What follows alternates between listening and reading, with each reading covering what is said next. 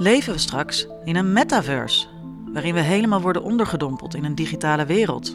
Dingen die je in het echte leven niet kan, kun je dan opeens wel. Uh, dat is een soort van persoonlijke fascinatie ervoor. Het voelt echt alsof ik uh, gewoon al een halve dag in een pretpark heb rondgelopen.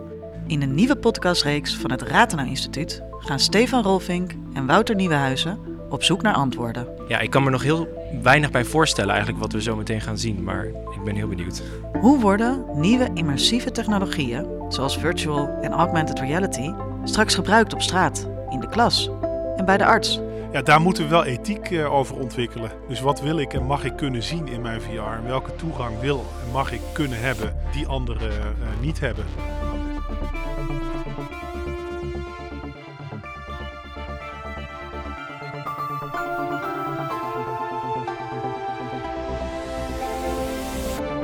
Alle afleveringen vind je vanaf februari 2023 op de website van het Ratena Instituut en in je favoriete podcast-app.